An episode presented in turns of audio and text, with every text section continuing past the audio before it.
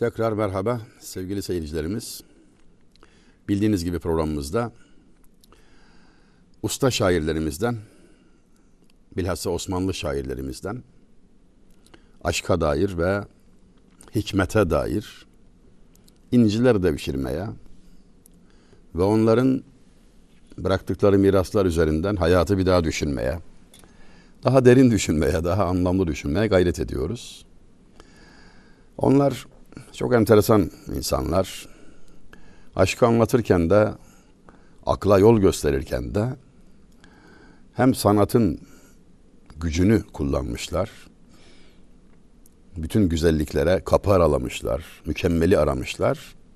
Hem de belki günümüze göre bir kıyas yapılacaksa çok çok daha güçlü bir lisan ile çalıştıkları için sanki imkanları bize göre hayli fazlaymış. Bana öyle geliyor. Şöyle bakıyoruz.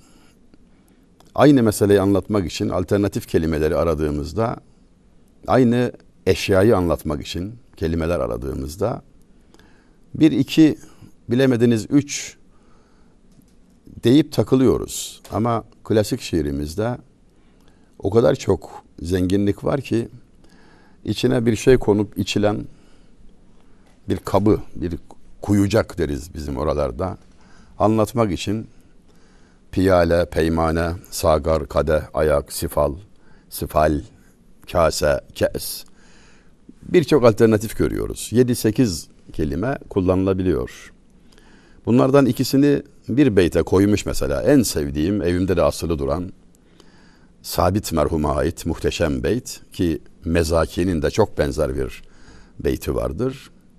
Sunar bir camı memlu bin tehi peymaneden sonra döner vefki murad üzre felek ama neden sonra deyivermiş. Şöyle bakıyorsunuz o kadar güzel duruyor, o kadar intizamlı, etkili kelimeler ki dolu kadeh ve boş kadeh ifadelerini kullanırken ayrı kelimeler. Camı memlu dolu kadeh, tehi peymane boş kadeh. E bu kadar alternatif elde olunca tabi herhalde söylemek kolay oluyor. Beytin anlamına da bakalım. Bin defa önüne belki boş kadeh gelecek. Hevesin kursağında kalacak. Maksada kavuşamamanın acısını çekeceksin, özlemini çekeceksin ama bir gün dolu kadeh önünde olacak. Ve arzuna uygun döner felek günün birinde döner vefki murad üzere veya döner vefki meram üzere felek ama neden sonra? Yani sabır gerekir. Beklemen lazım. Acele etmemelisin. Orta Anadolu'da bir söz vardır. Terazi var, tartı var, her işin bir vakti var derler. Şairimiz de bunu gayet usturuplu biçimde vezne koymuş. Vakti var, zamanı var, acele etmeyesin. Sabırlı olmalısın, beklemelisin. Kim demişti? Başarı elde etmek için, başarıya ulaşmak için sana üç şey lazım evlat demiş. Bir bardak ilim, bir kova tecrübe, bir deniz dolusu sabır. Dedim ya sabit merhumdan bu beyt evimde de yazılı asılı. Çok uzun yıllar önce yapmakta olduğum bir radyo programında beyti ifadeye koymuştum. Üzerinde biraz sohbet etmiştik. Hattat bir dostum takip ediyormuş. Candan, yakından takip ediyormuş. Bu beyti kendi sanatını kullanarak gayet güzel yazmış, göndermiş hattı, tezhibi, çerçevesi gayet mükemmel yani. Satışa çıkarılsa epey para edecek olan bir şey ama o işin orasında değil. Hediye olarak göndermişti bize. Ben de evimin en görünür yerinde 20 yıl aşkın süredir saklıyorum. Benzerini Mezaki merhumdan dinliyoruz. Döner vefki murad üzere felek amma neden sonra diye bitmişti. Sabitin ki Halbuki Mezaki şöyle söylemiş. Sunar bir camu memlu bin tehi peymaneden sonra felek ehli dili dilşat eder ama neden sonra? Yani gönül ehli olanların da bir gün mutlu olmasının sırası gelir. Ama neden sonra? Yine sabra işaret var. İşte bu zenginlikler, bu güzellikler içerisinde tabii içinde yaşadığımız çağda kelimelerdeki bu letafeti aramaya, oradaki lezzeti bulmaya zaman ayıranımız çok olur mu bilmem. Ama bana sorarsanız değer.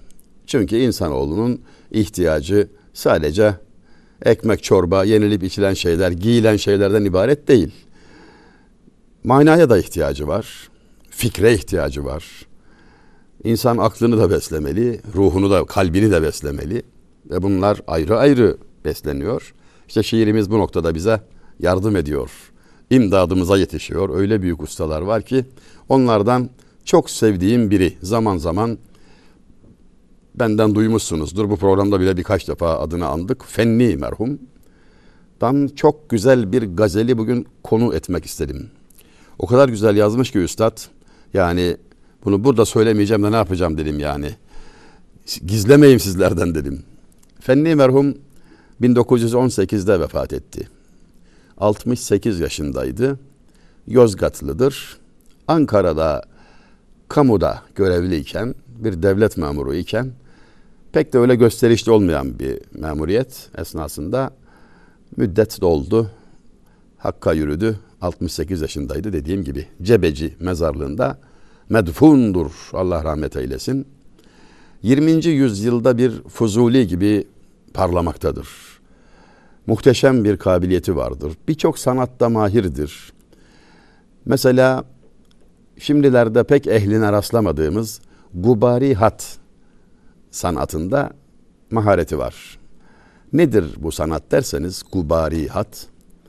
En ince en küçük fırçalarla kalemlerle hatta tek fırça kullanarak yerine göre fırçanın tek kılını kullanarak pirinç tanesine yazı yazmak gibi bir sanattan söz ediyorum. Bir pirinç tanesi üzerine Besmele-i Şerife ile birlikte İhlas-ı Şerifi yazıyor. Toplam beş ayet. Beş ayeti bir pirinç tanesine sığdırmak nasıl bir gayrettir? Nasıl bir sabır ister? Yani bunun neticesinde fevkalade zenginlikler mi kazandılar? Hayır öyle bir şey yok. Bunu düşünen de yok. Ama işte güzellik tutkusu böyle bir şey. Sanat zevki böyle bir şey. Necip Fazıl Üstad dememiş miydi? Anladım işi sanat Allah'ı aramakmış. Marifet bu gerisi yalnız çelik çomakmış. O şiir için, kendi sanatı için söyledi. Tabi hat sanatı için, tezhip için, efendim, ebru için, sanatın her şubesi için bunu söylemek mümkün. Nitekim hat bilmek, had bilmektir derler ustalar talebelerini yetiştirirken. O sanatta mahir, fevkalade başarılı. Öte yandan mühür kazıyor. O ayrı bir iş. Eskiden imza yerine mühür kullanılırdı. Son örneklerini avukatlığım sırasında görmüşümdür. Yani babam Arzu Halcı'ydı. Onda da görmüştüm. Sonra ben avukatlık yaparken de örneklerini gördüm. Mühür kazdırır. Adam cebinde gezdirir. Yani imza atması gerektiği takdirde o mührü kullanır. Geçerlidir. Çok kullanan vardı. Ben tek tük örneğini gördüm. 1980'li yıllarda e, fiilen avukatlık yaptığım zamanlardı. Ben de çok genç bir avukattım ve gözlemler yapıyordum. Onların yani okuma yazma bilmiyor da kalem tutamıyor da ondan mı? Hayır böyle bir gelenek var. Yani mühür zaten e, parmak izi gibi sahibine aidiyeti tereddütsüz bir şeydir. Kazdırır ve onu her yerde kullanır. Çok da eski bir gelenek. Mesela Hazreti Ömer'in yüzüğündeydi mührü imza olarak kullanırdı ve bir şeyler yazarlardı sözler olurdu hikmet e, ifadeleri olurdu. Hatırımda kalanları söyleyeyim. Mesela Hazreti Osman'ın yüzüğünde lenas biranne elbette sabredeceğiz yazıyor imiş. Hazreti Ömer'in yüzüğünde kefa bil mevti ve özan ya Ömer vaiz olarak nasihatçi olarak sana ölüm yeter ey Ömer yazıyor İmam-ı Azam Ebu Hanife Hazretlerinin yüzüğünde e, men amile bir re'yihi nedime kişi kafasına göre hareket ederse pişman olur diye tercüme edebiliriz günümüze. Men amile bir re'yihi nedime istişare etmezse, sormazsa erbabına, yani burnunun doğrusuna giderse pişman olur manasında. Yani bu aynı zamanda bir gelenek, bir hikmet kanalı. Yani okuma yazma bilinmediğinden değil. Bazıları bilmediği için kullanırdı ama bildiği halde mühür kullananlar da eksik değildi. O sanatta da mahareti olan bir zattan, fenni merhumdan bahsediyorum. Şiirini okumadan önce bu kadar hakkında bir özet bilgi e, sunma ihtiyacı hissettim. Ee, yolunuz düşerse Yozgat'a e, bazı eserlerini e, görmek, duymak, kokusunu almak biraz zor olsa da mümkün. Hakkında kitabını, divanını çıkaran muhterem Ali Şakir Ergin Bey berhayattır. Allah uzun ömürler, sıhhatli ömürler ihsan etsin. Arif bir zatın oğluydu. Babasını tanımak benim imkanım olmadı, fırsat bulamadım. Ahmet Efendi'ydi babası. Fakat hakkında çok güzel şeyler işittim. Eski milletvekili olan 1980'li yıllarda milletvekilliği de yapmış olan Ali Şakir Ergin Allah razı olsun ki büyük gayret göstererek unutulmak üzere olan bu divanı gün yüzüne çıkardı da çok şükür kaymaklı ekmek kadayıfı gibi bugün önümüzdedir. Ben ne zaman e, canım sıkılsa biraz böyle e, neşe tahsil etmek istesem, neşve tahsil etmek istesem Fenni Divanı'na, Fuzuli Divanı'na, hele hele Nabi Divanı'na müracaat ederim, Ahmet Paşa Divanı'na müracaat ederim ve asla boş dönmem. Dostlarımıza, ilgilenenlerimize, seyircilerimize böyle bir zevki de tavsiye etmek isterim işin doğrusu. Başka neyimiz var? Lisanımızdan başka neyimiz var? Yani o açıdan da bakmak lazım. İnsan kullanabildiği kelimeler, anlayabildiği kelimeler kadar geniş bir evrende yaşar kendi kendimize dünyamızı daralttığımızda bir hakikattir. İşte Fenni merhumdan sizin için seçtiğim bu harika gazel bakın şöyle başlıyor. Kudum-ü duyunca cana geldik biz. Ana kul olmak üzere alemi imkana geldik biz. Cenab-ı Mustafa'yı ta ezelden etmişiz tasdik. Sanır sufiyi ebleh sonradan imana geldik biz.'' Konup göçmek midir yahut yiyip içmek midir matlub? Taharri eylemek yok mu? Niçin meydana geldik biz? Kuyudu nefsten azadeyiz, bi bakü pervayız. Hakimiz feylesofuz aleme ferzane geldik biz. Terazu olmayınca tartılır mı sıkleti eşya? Bizi habideler anlar mı bidara ne geldik biz? Amel tomarını memlu görüp cürmü cinayetle deri inamına ya Rab şerm sarane geldik biz. Kelimelere bakın yani. Deri inamına ya Rab şerm sarane geldik biz anlatacağım. Teveccüh etmedik mir livaya mir mirana. Sığındık asitanı faslına sultana geldik biz.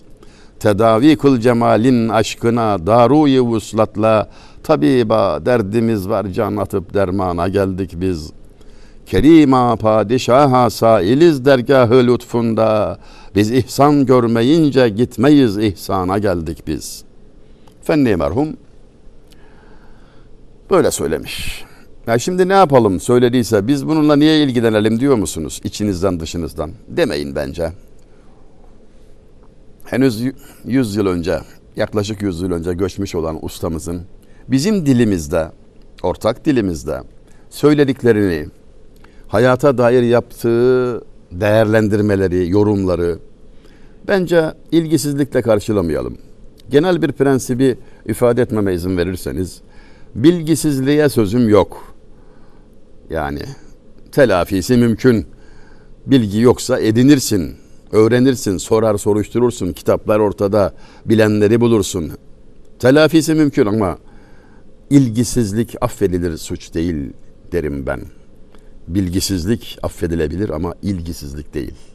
Yani bunu biraz e, suçlayıcı bir ses tonuyla söylemeye çalışıyorum. Fazla sert de söylemek istemiyorum ama ilgisiz kalmak, bigane olmak, sırtını dönmek. Yani bir örnek söyleyeyim size. Bundan 24 sene önceydi. Bir ahbabımın misafiriyim. Evindeyiz. Candan sevdiğim bir dostum, akranım. Ve onun bir yeğeni var evde. Delikanlı. Liseyi bitirmiş o günlerde. Üniversite imtihanına hazırlık yapıyor. Yani yana yakıla çalışıyor işte. Harıl harıl haliyle. bir buçuk iki ay vardı imtihana. Sözelden girecek onların deyişiyle söyleyeyim. Sözelci yani biz edebiyat bölümü derdik. Ona benzer bir şey bu sözel herhalde. Sayısal değil yani. İşin o tarafını da biliyorum. Yani edebiyatla biraz ilgisi olmak durumunda. Aldığı eğitim böyle, talip olduğu okullar bu istikamette. Bir miktar ilgi ümit ettim. Ve o gün elimde bulunan kitabın baş tarafında bir beyt yazılıydı. Şeyhülislam Yahya merhumdan. Neyler senin kalbinde ma siva muhabbeti layık mı bu kim Kabe'ye puthane desinler. Evet anlıyorum. Yani genç nesil bunu görünce tanıyamayabilir. Ama bu beyte bir bakar mısın dediğimde uzattığım kitabı 3 saniye bilemediniz 5 saniye elinde tuttuktan sonra ben bunu anlamıyorum deyip biraz da hışımla atması yok mu gözümün önünde cereyan etti hadise. Yani nasıl öfkelendiğimi size anlatmam zor. Biraz aklım varmış tepemden çıktı. Çok kızdım. Dostluğun verdiği cesaretle, yaş farkının verdiği imkanla bana bak dedim delikanlı. Anlayamayabilirsin.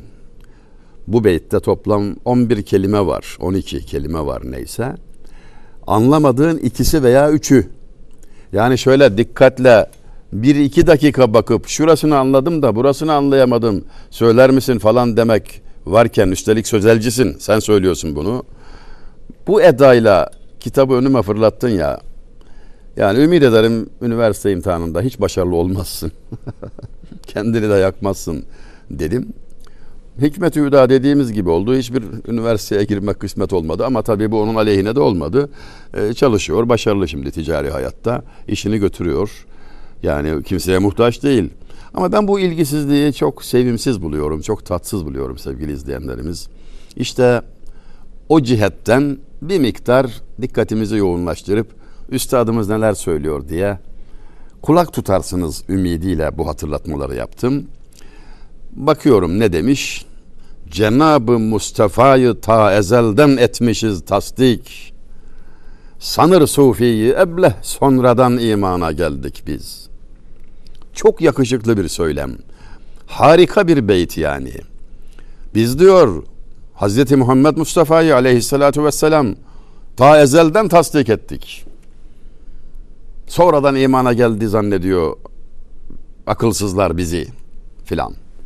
Burada tabii şairlik, sanat kuvveti bir tarafa demek istediği şu.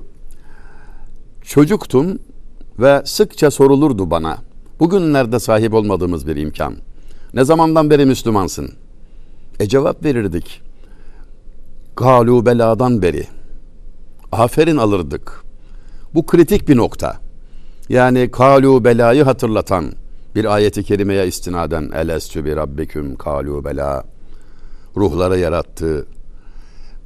Ruhlar alemindeyken henüz insan yaratılmamışken ruhlarımıza Hak Teala kendisini tanıttı. Ben sizin Rabbiniz değil miyim diye sordu. Ruhlar cevap verdi, biz cevap verdik. Bela dedik. Kalu dediler demek. Kalu bela dediler ki bela. Bela evet demek. İşte bu nükteyi hatırlatan komşu amcalar vardı. Bakkal vardı. İmam efendi vardı. Kasap amca vardı. Manifaturacı dayı vardı. Yani başka bir sahaya intikal ettik ama evin dışına çıkınca çocuk aslında dışarı çıkmış olmuyor. Geniş bir ev o. O ev, mahalle o ya. Herkes herkesin yakını, samimi seveni, büyüğü, ona önderlik eden, güzellikleri öğreten. Her ne hal ise yani başından beri biz ehli imanız. Oradan beri hani bir beyti geçen de bir programda temas edip geçmiştim. Muğlalı Şahidi'den. Şahidi derdü beladır, şahidi aşku vela. Septi dava etmeye burhane gelmişlerdeniz. Elest meclisinden yola çıktık cennete gidiyoruz. Orada bela dedik diye belaya muhtacız. Bela bizi insan eder, adam eder, yetiştirir bizi. Bela denen şey de dünyada bulunuyormuş. Onun için dünyaya uğradık. Aradığımız şey beladır. Yani nükteli bir söyleyiş. Belamı arıyorum der gibi. Aslında evet cevabının delillendirmek için dünyada imtihana geldik. Tam da şimdi bir beyit sonrasında Fendi merhum bakın ne diyor? Konup göçmek midir yahut yiyip içmek midir matlub? Taharri eylemek yok mu? Niçin meydana geldik biz? Yahu buraya gelmekten maksat konup göçmek mi? Yiyip içmek mi? Yani hayvan gibi acıkınca yiyip, doyunca yatmak, yorulunca yatıp uyumak, sonra da toprağa gömülüp gitmek. Böyle bir bu mu yani? Biz bu taharri eylemek yok mu? Yani bir sorup soruşturmak yok mu? İns- sormayacak mısın ey Ademoğlu? Niçin meydana geldik biz? Bizim burada ne işimiz var? Dünya hayatının hikmeti nedir? Sebebi nedir? Hani söylemişti ya şair Birçok gidenin her biri memnun ki yerinden Birçok seneler geçti dönen yok seferinden Yani buradan gidiyorlar sonra da gelmiyorlar Ama bu nasıl bir yolculuktur? Niye gidiliyor? Niye geliniyor? Anlamı ne? Bizi gönderenin bizden istediği ne? Ee, akıl var, izan var. Düşünmeyecek misin? Diyor. Yani gördüğünüz gibi arada çok sağlam bağlantılar var. Onlar aynı şeyi söylüyorlar. Kanuni merhumun dediği gibi cümlenin maksudu bir ama rivayet muhtelif. Aynı derdi terennüm ediyorlar. Seyyid Ahmet Arvasi merhum kendisini çok öven yazdıkları, çizdikleri, verdiği konferanslar, eğitim faaliyetleri sebebiyle çok öven birine şöyle demişti. Kayda değer bir şey değil. 1400 yıllık koroya bir çığlıkla iştirak ettik. Hepsi bu. Yani mesele aynı mesele geliş sebebini kavrama. Kuyudun nefsten azadeyiz bir bakü pervayız. Hakimiz feylesofuz aleme ferzane geldik biz. Kuyudun nefsten azadeyiz. Nefsin kaydından azadeyiz, hürüz. Nefse esir olmuş değiliz biz. Bir bakü perva hem bak hem perva aşağı yukarı aynı anlamı verir. Korkusuzuz yani endişemiz yok. Demirden korksak trene binmezdik diyor. Yani bir endişemiz yok. Öleceğiz diye korkumuz yok. Ölüm bizim için bir evden bir eve göç etmek. Bunun farkındayız, bilincindeyiz. Hakimiz feylesofuz aleme ferzane geldik. Biz çok kritik güzel bir ifade. Ferzane kelimesi can feda eden, yiğit anlamına gelir ama satranç oyunundaki piyonun da adıdır. Piyon, ferzane derler ona. Feda edilir gerektiğinde şahı korumak için feda edilir. Seve seve gözden çıkarılır. İşte biz o piyonuz. Biz o pervaneyiz. Mevki makam kaygımız yok. Vezir olacağım, şah olacağım. Yok ben kaleyim, film, atım falan demeyiz. Biz can feda etmeyi canına minnet bilenler deniz demenin gayet güzel bir biçimi. Amel tomarını mali bulup cürmü cinayetle deri inamına ya Rab şerm sarane geldik biz. Okuması bile mesele. Amel defterin tomar dediği yani kağıtlar defter. Amel defterimizi günahlarla, suçlarla, kabahatlerle dolu bulduk da ya Rabbi senin inam kapına, nimetler kapına, deri inamına der kapı demektir. Deri inamına ya Rab şerm sarane geldik biz. Utanarak geldik, mahcup geldik, yüzümüz yerdedir ya Rabbi. Bizi utandırma ya Rabbi, kuldan hata senden af ya Rabbi. Yani samimi bir mümin edasıyla aynı zamanda af isteyen, mağfiret isteyen, özür dileyen, kabahatinden dolayı pişmanlık duyan ki insanlık budur. Hata etmemek demek değil. Buna buna muvaffak olamazsın. Hata eder insanoğlu. İnsan beş, beşer durmaz şaşar eyler hata üçer beşer. Düz ovada giderken ayağa sürçer düşer. Orası tamam da hatadan sonra pişman olmak seni insan yapar. Sana kemal kazandırır. Kişi noksanını bilmek gibi irfan olmaz. Muallim Naci'nin dediği gibi ve nihayet son beyt. Kerima padişaha sailiz dergahı lütfunda. Biz ihsan görmeyince gitmedik ihsana geldik biz.'' Ey kerim olan padişahım, ey ulular ulusu Allah'ım, senin kapına geldik, sığındık. İhsan görmeden gitmeyiz biz ihsana geldik. Dilenci olan sultana yalvarır, ağlar, sızlar ve boş dönmekte istemez.